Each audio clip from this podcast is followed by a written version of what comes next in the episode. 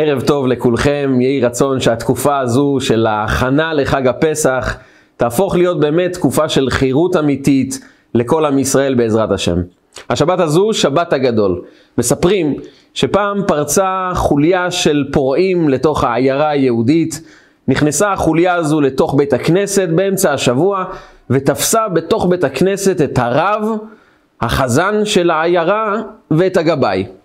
אלו שלושת האנשים שהיו בבית הכנסת, לא היו אנשים אחרים, הם סגרו את בית הכנסת ותכננו להרוג אותם. הם פנו אליהם ואמרו להם, תתכוננו לעבור לעולם שכולו טוב, אבל מכיוון שאנחנו אנשים קצת טובים, יש לכם בקשה אחרונה. הם פנו בתחילה לכבוד הרב ואמרו לו, הרב מה אתה רוצה כבקשה אחרונה בחיים שלך? והוא אמר להם, תקשיבו, השבת הזו זה שבת הגדול.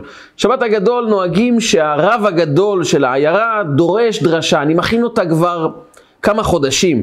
אני לא יכול לעזוב את העולם בלי לומר את הדרשה הזו, אז תנו לי רק לשאת את הדרשה בבית הכנסת, ואז תעשו מה שאתם רוצים. הם אמרו לו, בסדר גמור, אין בעיה. פנו לחזן ואמרו לו, מה אתה רוצה?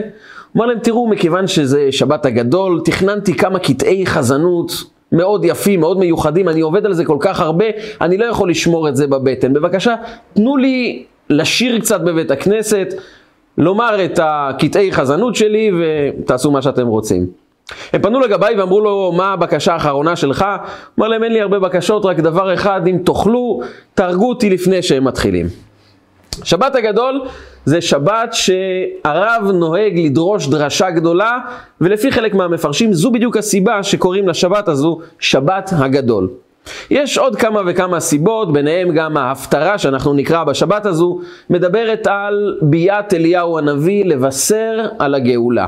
וכך נאמר בהפטרה, לפני בוא יום השם הגדול והנורא. לכן קוראים לשבת שבת הגדול. יש עוד הרבה סיבות אבל אולי כדאי שנתמקד בסיבה אחת שמביא בעל התניא בשולחן ערוך שלו, למה קוראים לשבת הזו שבת הגדול. מספר המדרש, שבעשירי בניסן באו עם ישראל למצרים ורכשו מהם כבשים. הכבשים היו האליל המצרי באותה תקופה. המצרים לא הבינו למה עם ישראל רוצים פתאום לקנות את הכבשים שלהם. אמרו להם, מה אתם רוצים לקנות כבשים? התחלתם גם לעבוד עבודה זרה? אמרו להם עם ישראל, לא, בדיוק הפוך.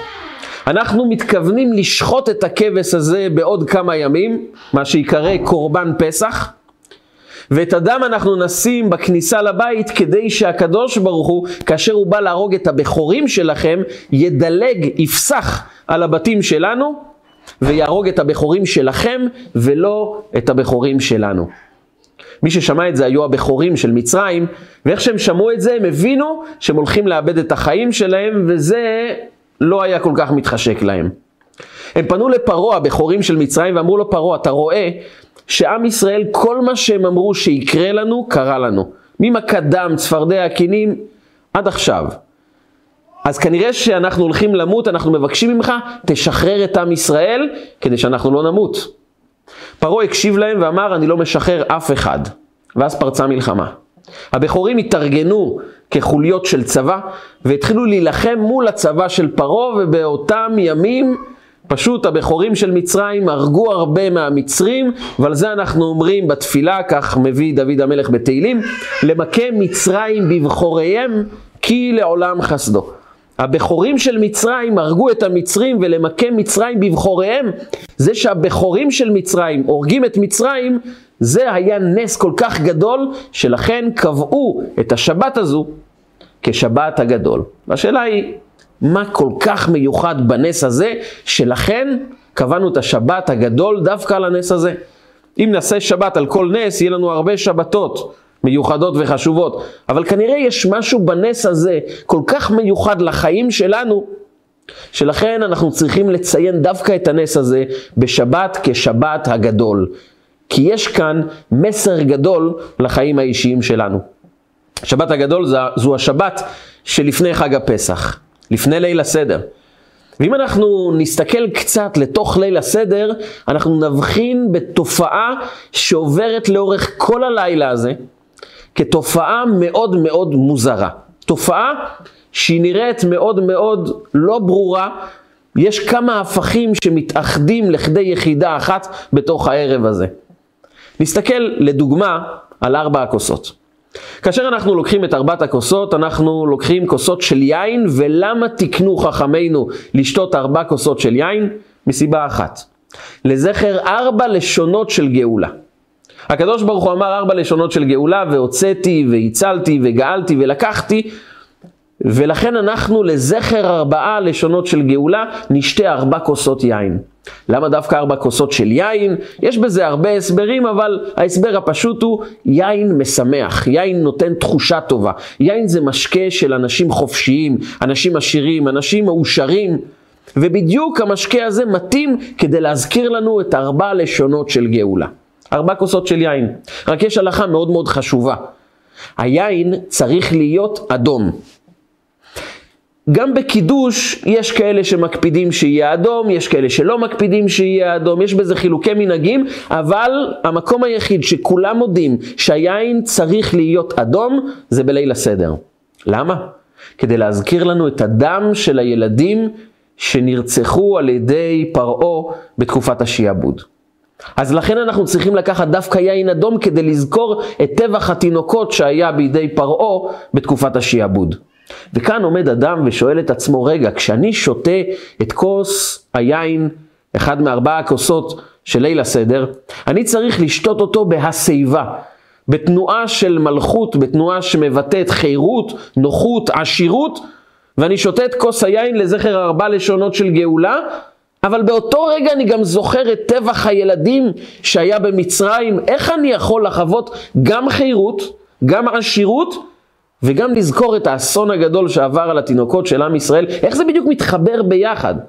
איך מבקשים מאיתנו לחוות באותו רגע של חירות גם רגע של תסכול, של כאב, של שיעבוד, של רצח של ילדים? איך אני אמור להכיל את שתי התחושות האלו ביחד? ואם זה היה רק בארבע כוסות עוד מילא, אבל זה עובר לאורך כל ליל הסדר.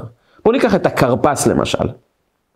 עוד לפני שאנחנו נוטלים ידיים לארוחה, אנחנו לוקחים את הכרפס, ירק מסוים, יש בזה כל, מנהגים, כל מיני מנהגים בעדות שונות, יש שלוקחים תפוח אדמה, בצל, סלרי, וטובלים אותו במי מלח. הולכים ליטול ידיים, טובלים את זה במי מלח, מברכים בורא פרי אדמה ואוכלים. מה הסיבה שתקנו את הדבר הזה? התשובה היא השאלה. מה הכוונה? רוצים לעורר את הילדים להתחיל לשאול שאלות. הילדים לא רגילים שתחילת הסעודה לוקחים ירק וטובלים אותו במי מלח. אז הם ישאלו, מה קרה היום? וכשהם יתחילו לשאול שאלות, זה מצוין, כי אז נתחיל לספר להם את סיפור יציאת מצרים. מה הרעיון שמסתתר מאחורי ההטבלה של הכרפס במי מלח? יש בזה גם מסר קטן.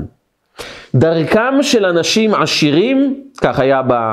בתקופות קדומות, ואולי גם קצת בתקופתנו, לפני שהולכים לארוחה, לוקחים כל מיני דברים קטנים, מטבילים אותם בכל מיני רטבים, ואוכלים כדי לפתוח את התיאבון. דרך העשירים להטביל ירק במי מלח כדי לאכול ולפתוח את התיאבון כדי שנוכל לגשת לארוחה בשמחה. זה דרך העשירים, וזה בדיוק המטרה של ליל הסדר. לחוש כבני חורין, כעשירים, כולנו מסובים, כולנו אנשים חופשיים ומאושרים. זה, זו סיבה אחת של למה מטבילים את הירק במי המלח. אבל יש עוד סיבה. הכרפס הוא בעצם אה, סוג של ראשי תיבות של סמך פרך.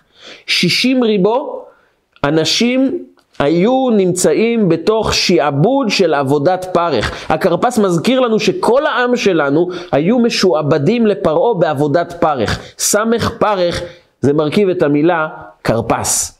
למה מי מלח? לזכור את הדמעות של עם ישראל. כמה בני ישראל נאנחו מהעבודה הקשה, הבכייה היא באה וכסמל אנחנו לוקחים את המי מלח ומטבילים את הירקות בפנים כדי לזכור את השעבוד ואת הבכייה הגדולה של עם ישראל.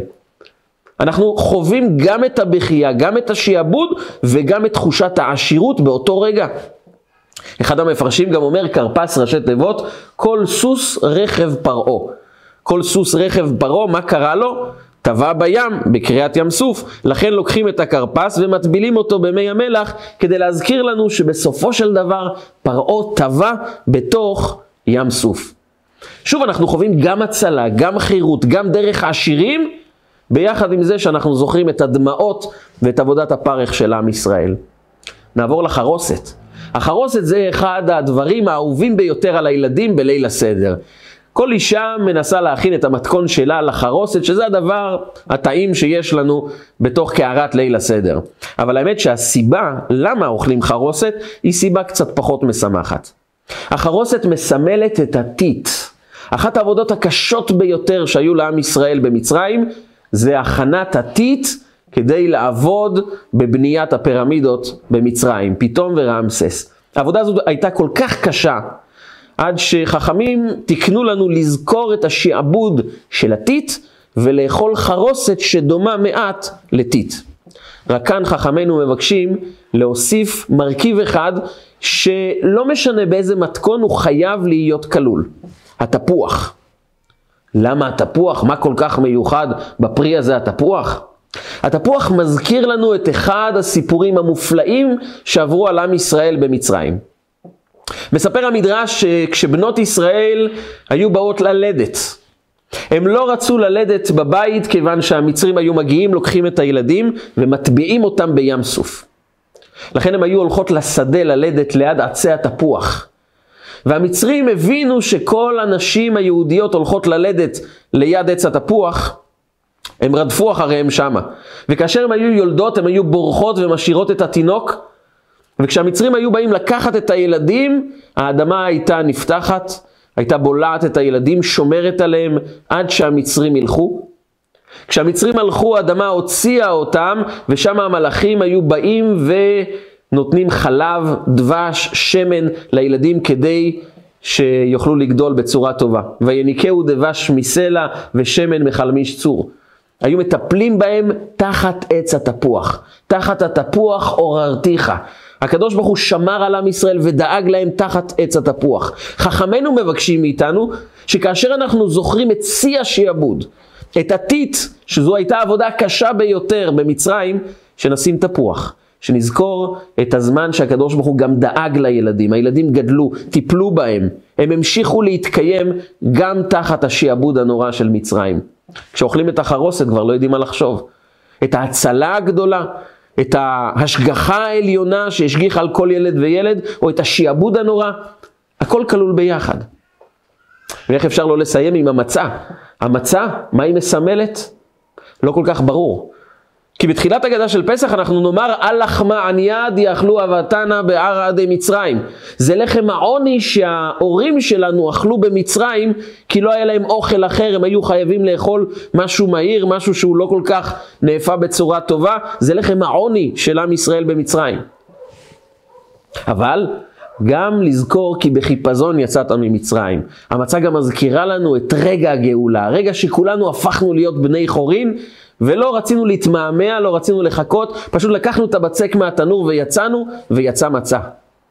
אז המצה זה גם לחם העוני וגם לחם החירות. זה גם מסמל שיעבוד וגם מסמל את ההצלחה של עם ישראל לצאת ממצרים ולהפוך להיות בני חורין. אז מה בדיוק ליל הסדר מבקש מאיתנו? האמת היא שליל הסדר כשמו כן הוא.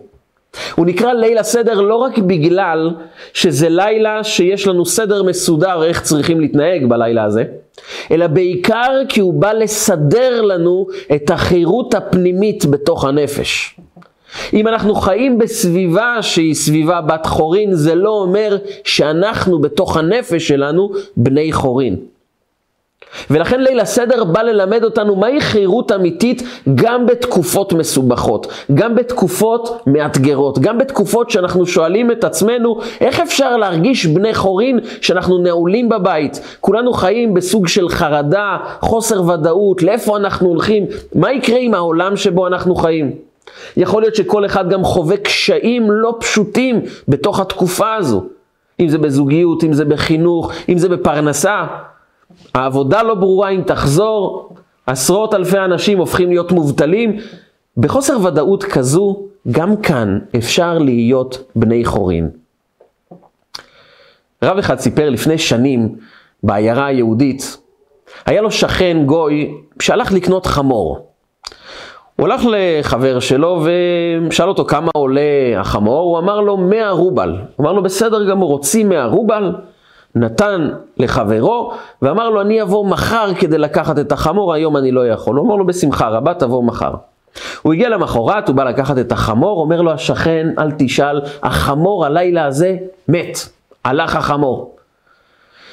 החבר היה מאוד מאוד uh, מאוכזב, אמר, טוב, אין ברירה, אין מה לעשות, ככה, ככה קרה, תחזיר לי את המאה רובל. הוא אומר, לא, אין, כבר הוצאתי את המאה רובל, הלך, אין לי כסף יותר, אין לי מה לתת לך.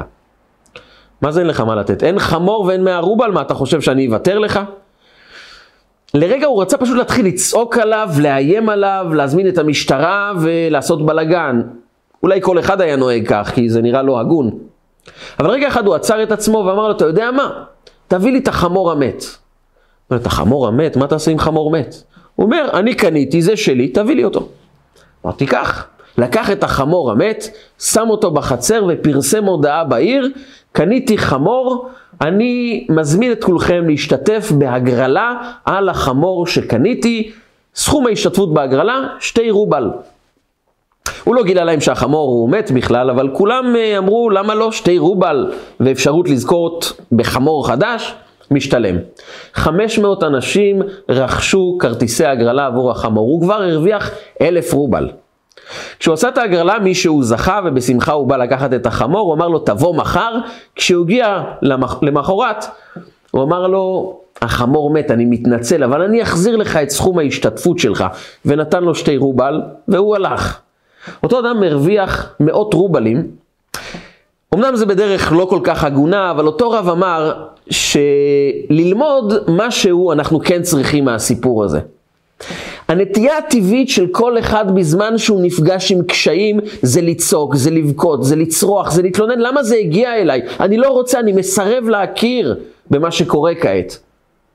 אני לא מוכן לחיות בצורה כזאת, ואם זו המציאות, אז המציאות היא לא טובה, ואז אני אבכה ויצרח ויתלונן למה זה קרה לי, ואני נשאר בדיוק במקום הרע. ליל הסדר בא לומר לכל אחד ואחד מאיתנו, נכון שיש קשיים, נכון שיש דברים שלא מסתדרים. לכל אחד באופן אישי, יש לו את הדברים שמקשים עליו בחיים. יש לכל אחד חוויות שהוא חווה, חוויות לא טובות, שגרמו לו לרכוש משקפיים שדרכם הוא הולך להביט על החיים. אדם שבתקופה מסוימת חווה השפלות, חוסר הערכה, בלי לשים לב הוא רוכש משקפיים חדשות, הוא מרכיב אותם, והוא כל הזמן מנסה לזהות איפה משפילים אותי, איפה מתייחסים אליי לא יפה, איפה לא מעריכים אותי.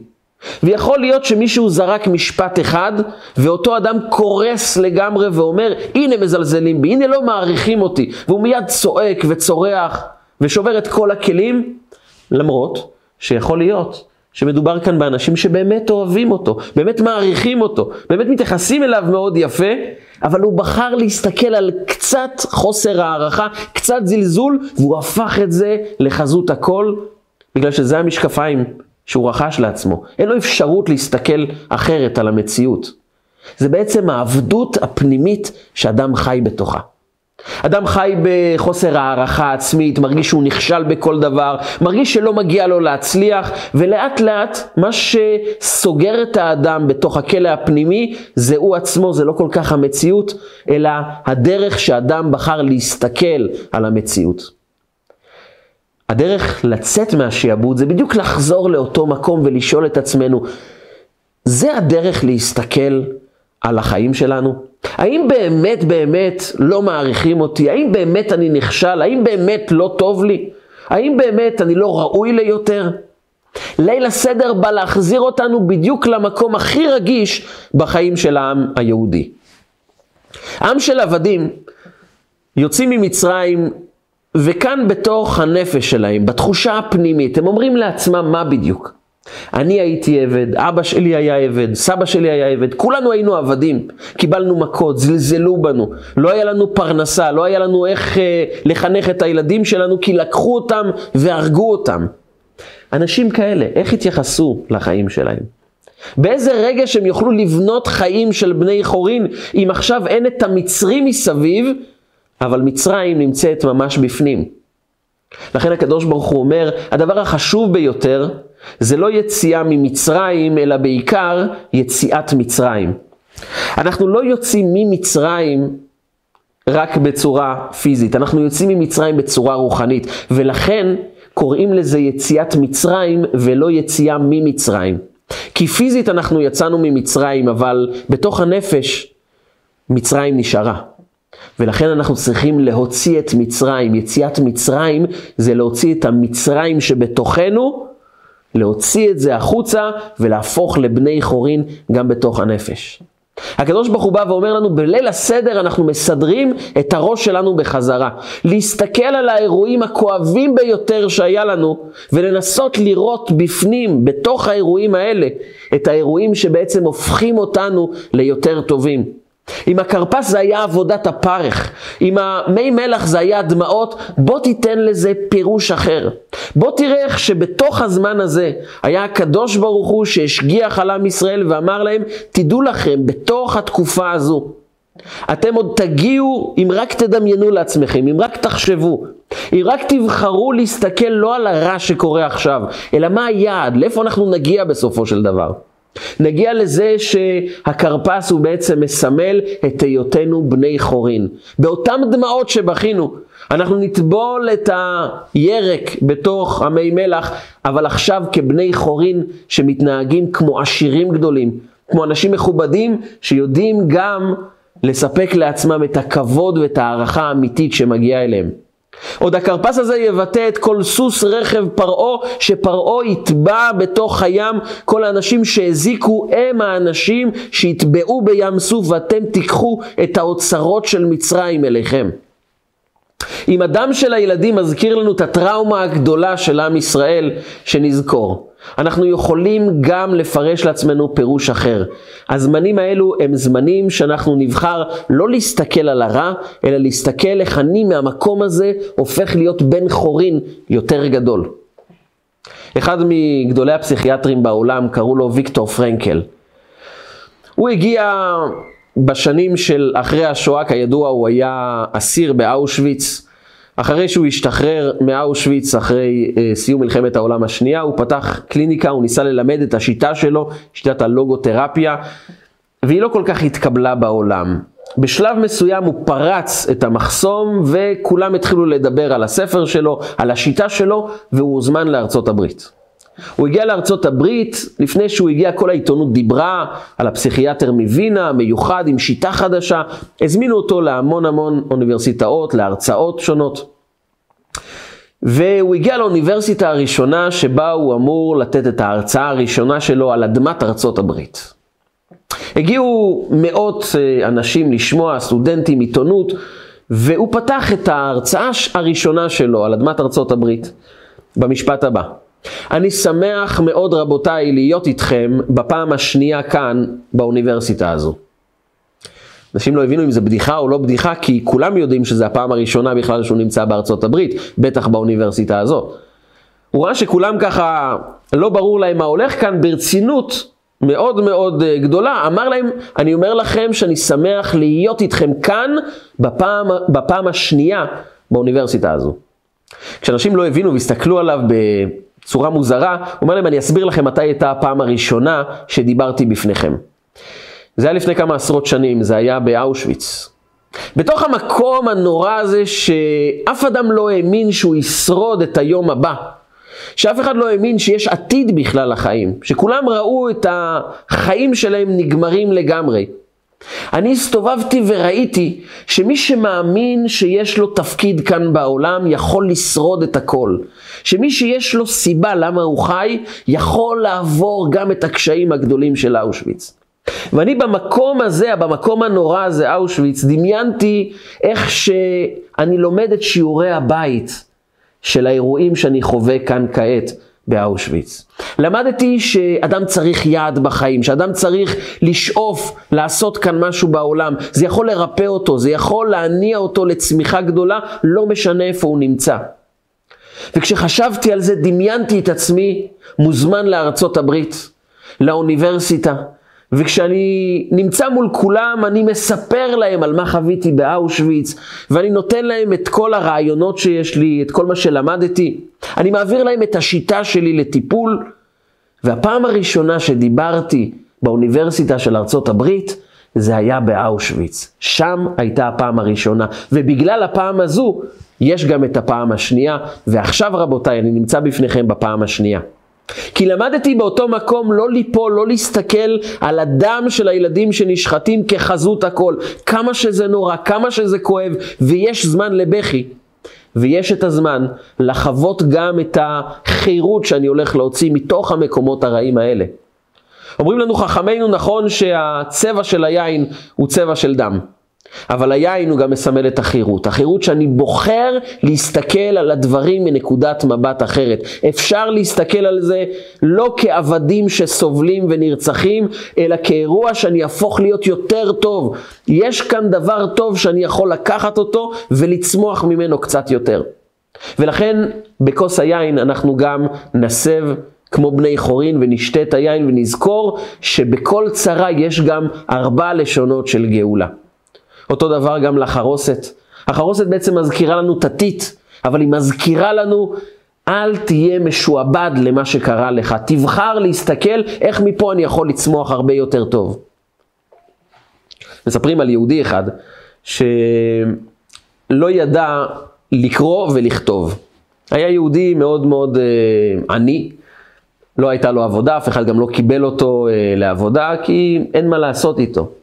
הוא דיבר עם החבר שלו ואמר לו, תראה, אני כל כך סובל בחיים האלה, אין לי פרנסה, אולי תמצא לי איזה עבודה. הוא אמר לו, אני חושב שיש לי רעיון לא רע בשבילך. יש בית כנסת בסוף הרחוב, לא בית כנסת גדול, אבל שמעתי שהאחראי על בית הכנסת מחפש איזה עוזר לכמה דברים קטנים, לך תדע, אולי ייתנו לך גם קצת כסף בשביל זה. הוא אמר, אוקיי, צריכים לנסות.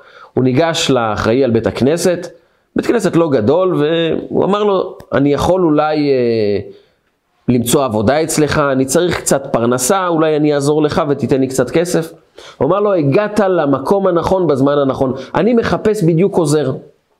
אומר, הנה אני פה, מה העבודה? הוא אומר, תקשיב טוב, העבודה שלך זה פשוט לזכור מי היה בבית הכנסת בשבת, ונידב נדבה לבית הכנסת, כי אנשים מנדבים בשבת תרומה, אבל ביום ראשון כבר כולם שוכחים. אז צריכים רק להזכיר להם, תערוך רשימה במוצאי שבת, מי היה בבית הכנסת, כמה נתן, תן לי את הרשימה ואני אלך לאנשים כדי לקחת מהם את התרומות. הוא מסתכל על הגבאי ואומר לו, אני ממש מתנצל, אבל אני, אני פשוט, אין לי עבודה בגלל שאני לא יודע לכתוב, אני גם לא יודע לקרוא, אז לא ברור לי איך אני אעשה את העבודה הזו. הוא מסתכל עליו ואומר לו, אתה בטוח, אתה לא יודע לא לקרוא ולא לכתוב? מה אני אעשה איתך? אני מתנצל מאוד, אבל אין לי עבודה בשביל אנשים שלא יודעים לא לקרוא ולא לכתוב. אז תחפש עבודה במקום אחר. הרגע הזה היה רגע של שבר מבחינתו. גם להיות עוזר של גבאי בית כנסת קטן בקצה הרחוב, גם את זה הוא לא יכול לעשות, גם את זה הוא לא יכול לנצל כדי להרוויח קצת כסף. עד כדי כך אני לא שווה. הוא היה שבור לגמרי ויצא מבית הכנסת במפח נפש מאוד מאוד גדול. וביציאה הוא שם לב לכמה מנורות עתיקות שהיו פעם רכוש בית הכנסת נמצאות בצד, והוא ניגש אה, לגבאי ואמר לו, את המנורות האלה אפשר לקחת? הוא אמר לו, בשמחה רבה, זה גם ככה מיועד לפינוי. הוא לקח את זה ושאל את עצמו, מה אני יכול לעשות עם הדבר הזה? ואז הוא נזכר שיש שוק של אנטיקות, שוק שמוכרים דברים עתיקים. הוא הלך לשוק הזה ולא היה לו דוכן, אז הוא פשוט נעמד באמצע השוק והציע לכולם לקנות את המנורות. הגיע תייר אמריקאי ואמר לו, זה נראה לי משהו מאוד אורגינלי, מאוד מאוד יפה, כמה אתה מוכר את זה? אז הוא אמר לו, טוב, מה יש? הוא אמר לעצמו, מה יש לי להפסיד? 20 אלף דולר. 20 אלף דולר זה נראה לי מחיר מאוד טוב, אבל ניגש תייר אחר והתחיל להתמקח, והמחיר עלה עד 50 אלף דולר שהוא קיבל לידיים, והם לקחו את המנורות. הוא לא האמין שהמזל נפתח לו כל כך, הוא חשב לעצמו, מה אני יכול לעשות עם הכסף הזה?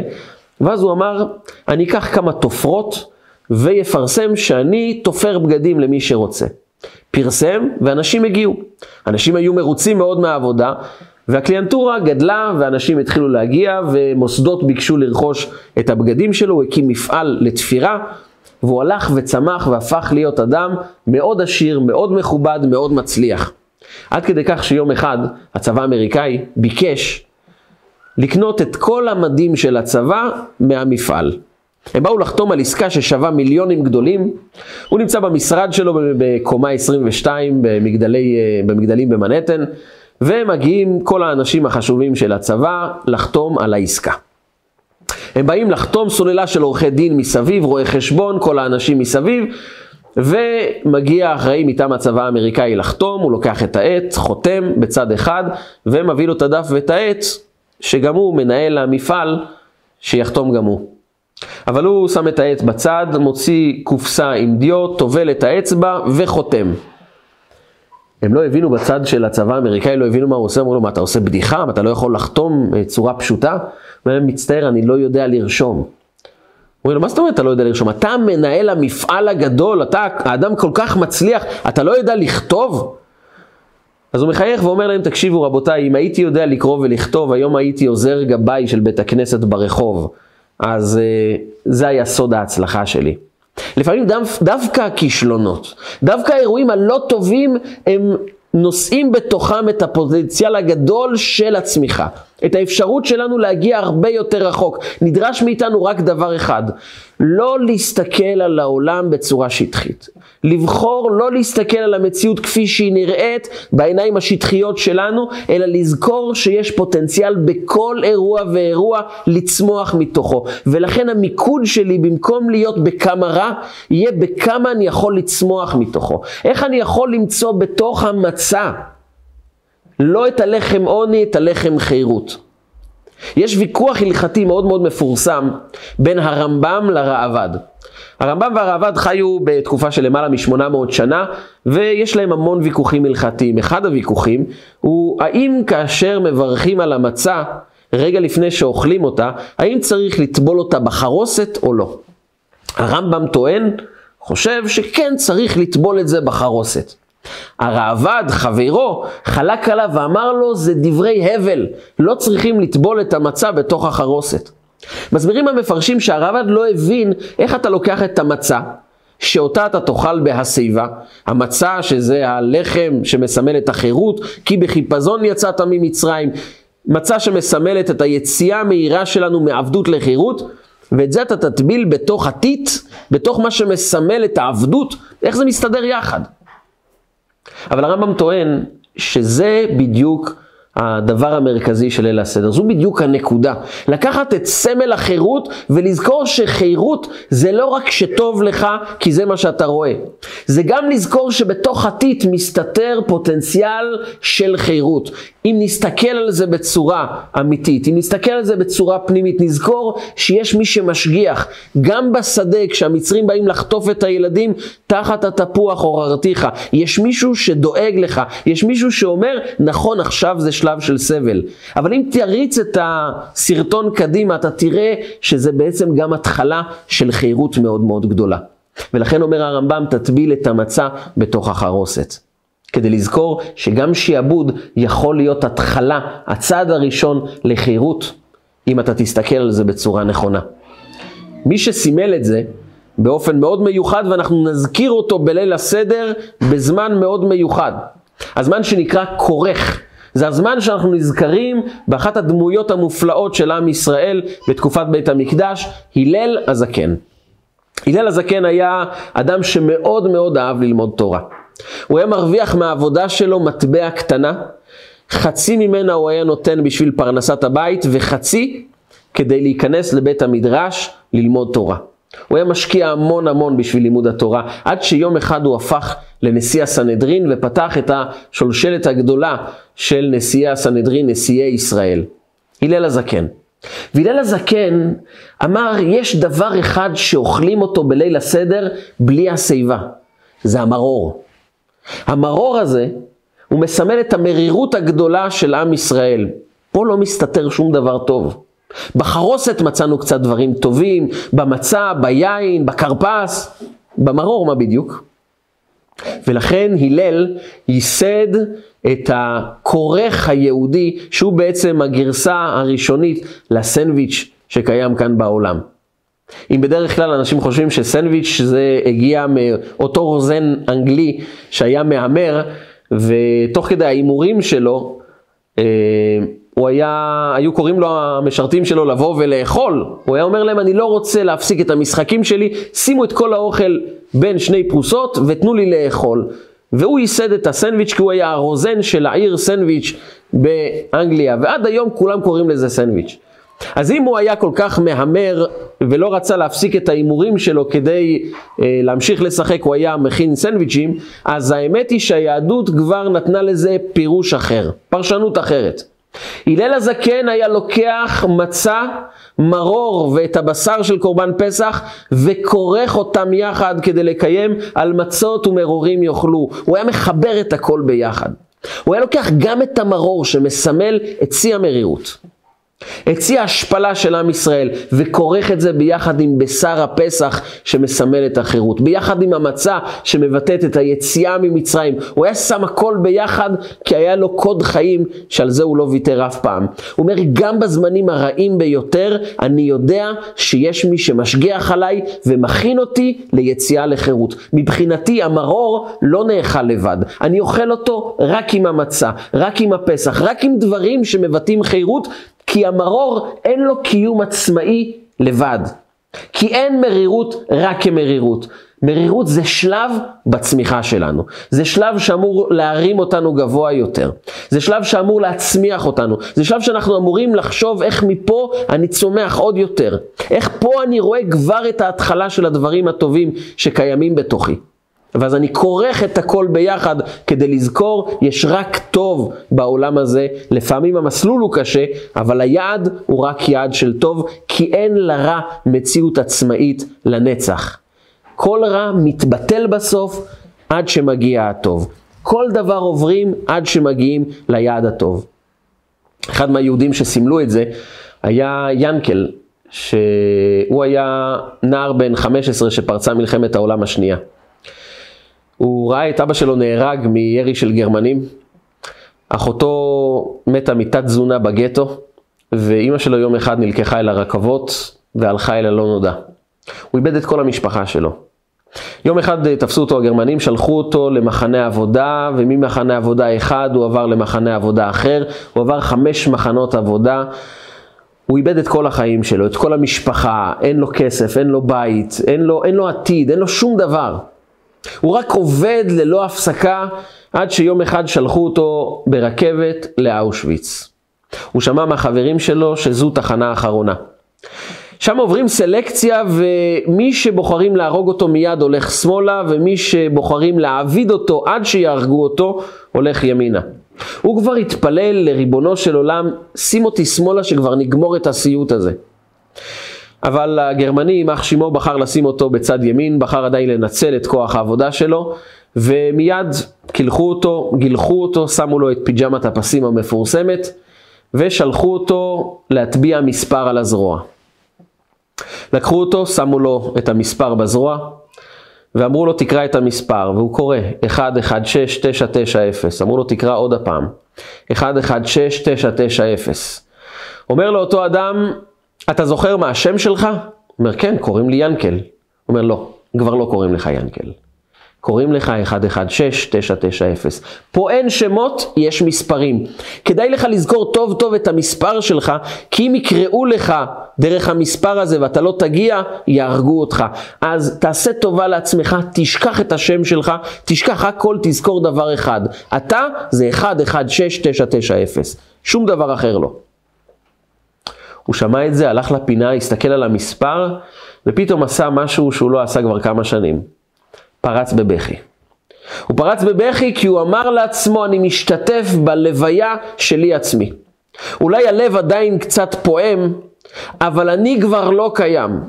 כי נשאר לי רק דבר אחד בחיים, זה השם שלי. והיום גם את זה לקחו. אני כבר לא מציאות, אני כלום, אני רק מספר כאן בעולם. אין לי שום מציאות אחרת. והוא מסתכל על המספר ובוכה כי מי המלח האלו נטפו על המספר ואמרו לו, אתה כבר לא קיים, אין בך שום דבר, אתה מת. ותוך כדי שהוא בוכה על החיים שהיו לו ואינם, הוא מסתכל על המספר שוב 116990 ועושה את מה שיהודים מאוד אוהבים לעשות, זה למצוא גימטריה, למצוא חיבור מספרים, ואולי יש בזה משמעות. ואז הוא מתחיל לחבר את המספרים, הוא התחיל מהסוף, 0 ועוד 9 ועוד 9, 18, ועוד 6, 24, ועוד 1 ועוד 1, 26. ופתאום הוא קיבל הלם, הוא קיבל שוק. 26 זה מספר מאוד חזק ביהדות, כיוון שזה המספר, הערך המספרי של שם י' וה' והאות ו' והאות ה', שמו של ריבונו של עולם. 26. ופתאום הוא קולט שבזרוע שלו נמצא שמו של הקדוש ברוך הוא. ולרגע אחד היה כל כך בהלם, שהוא עצר את הנשימה שלו ופתאום חזר לתקופה שהוא היה ילד קטן עם אבא שלו בעיירה היהודית. הוא פתאום נזכר איך הוא היה לבוש בבגדי השבת, נותן יד לאבא שלו והם צועדים בערב שבת לבית הכנסת. היה להם מנהג שלפני תפילת ערבית הם אומרים יחד את שיר השירים. הם היו אומרים את זה בניגון מאוד מיוחד, זו הייתה חוויית ילדות מאוד מאוד מתוקה. ופתאום הוא נזכר איך מרחוק ככה אבא שלו אומר בקול את הפסוק בשיר השירים, סימני כחותם על ליבך, כחותם על זרועיך. הקדוש ברוך הוא פונה לעם ישראל ואומר, שימו אותי, תחתמו אותי לא רק בלב שלכם, גם בזרוע שלכם, גם במעשים, שאני אהיה גם ניכר, גם גלוי בתוככם. וכשהוא נזכר בזה הוא פתאום התרומם באמצע אושוויץ, בתוך כל העשן, נביחות הכלבים, בתוך הגיהנום הזה התרומם וצעק לקדוש ברוך הוא, ריבונו של עולם, עד היום היית חתום בלב שלי, מהיום אתה חתום גם בזרוע שלי. אתה חתום גם בזרוע שלי כי עכשיו אני יודע שגם כי אלך בגיא צלמוות לא ירא כי אתה עמדי. אני יודע שגם בגיהנום הזה אתה איתי כי אתה חתום בזרוע שלי. בזמנים הקשים ביותר, הוא היה מסתכל על המספר ואומר, גם כי אלך בגיא צלמוות, לא ירא כי אתה עמדי, אתה איתי הקדוש ברוך הוא, אתה לא עוזב אותי, ואני אשרוד את הכל. אותו מספר שסימל בעבורו דקה קודם את הלוויה שלו, אותו מספר סימל את החירות הפנימית שלו, שגם כי אלך בגיא צלמוות לא ירא כי אתה הקדוש ברוך הוא עמדי. הוא שרד את השואה ועלה לארץ, הוא גר בתל אביב, ובערב פסח, לפני ליל הסדר, הוא ביקש מהגבאי רשות לומר כמה מילים לאנשים לפני שכל אחד מתפזר לבית שלו לחגוג את חג החירות. הוא סיפר להם את הסיפור ואמר להם, תדעו לכם שחירות אמיתית זה לא כל כך הכיסאות המפוארות, זה לא כל כך הסלטים, היופי של המנורות וכמה שהשולחן ערוך יפה. החירות האמיתית זה מי אתה בעצמך. האם אתה מזהה את הניצוץ האלוקי שבתוכך, את הטביעת אצבע האלוקית שבכל אחד ואחד מאיתנו שאומרת לנו, אני צריך אותך. אתה נחוץ לי, יש לך שליחות כאן בעולם, יש בך ערך אינסופי, ערך אלוקי, לכן אתה נמצא פה. אל תקשיב לכל השיעבוד, לפרעה, לעבדות, לכל הסבל, זה לא מי שאתה באמת. כל העבדות הפנימית שאנחנו הרבה פעמים מכניסים את עצמנו לתוכה, היא עבדות לא נכונה כי בתוכנו אנחנו בני חורין, כיוון שלכל אחד ואחד מאיתנו יש תפקיד רוחני, יש שליחות אישית. וכאשר אנחנו זוכרים את הניצוץ האלוקי שבתוכנו, שאומר לנו, אתה בן חורין אמיתי, שום עבדות אחרת לא תכסה, לא תעלים, לא תסתיר על נקודת החירות הפנימית, על הניצוץ המאיר שקיים בתוך כל אחד ואחד מאיתנו. הוא אמר להם, אם אנחנו זוכרים את ה... י' כו' שנמצא בתוך כל אחד ואחד מאיתנו. את החירות הפנימית שהיא באה לידי ביטוי בנשמה האלוקית שיש בתוכנו. החירות הזו חזקה יותר מכל עבדות. אם נזכור אותה, נהפוך כל רע לטוב, וזה יהיה ליל הסדר הכי מסודר שלנו, שאנחנו מסדרים לעצמנו בעיקר את הנשמה, את הראש, את החשיבה, לדעת שהחירות היא חזקה יותר מכל עבדות, שהאור הרבה יותר חזק מהחושך, ומכל עבדות אפשר להפוך אותה לחירות. כל רע ניתן להפוך לטוב. צריך רק לזכור לחיות את ליל הסדר, לסדר לעצמנו את הראש, ובעזרת השם עוד השנה בליל הסדר הזה נזכה לסדר הגדול בבית המקדש, עם משיח צדקנו במהרה בימינו, אמן ואמן.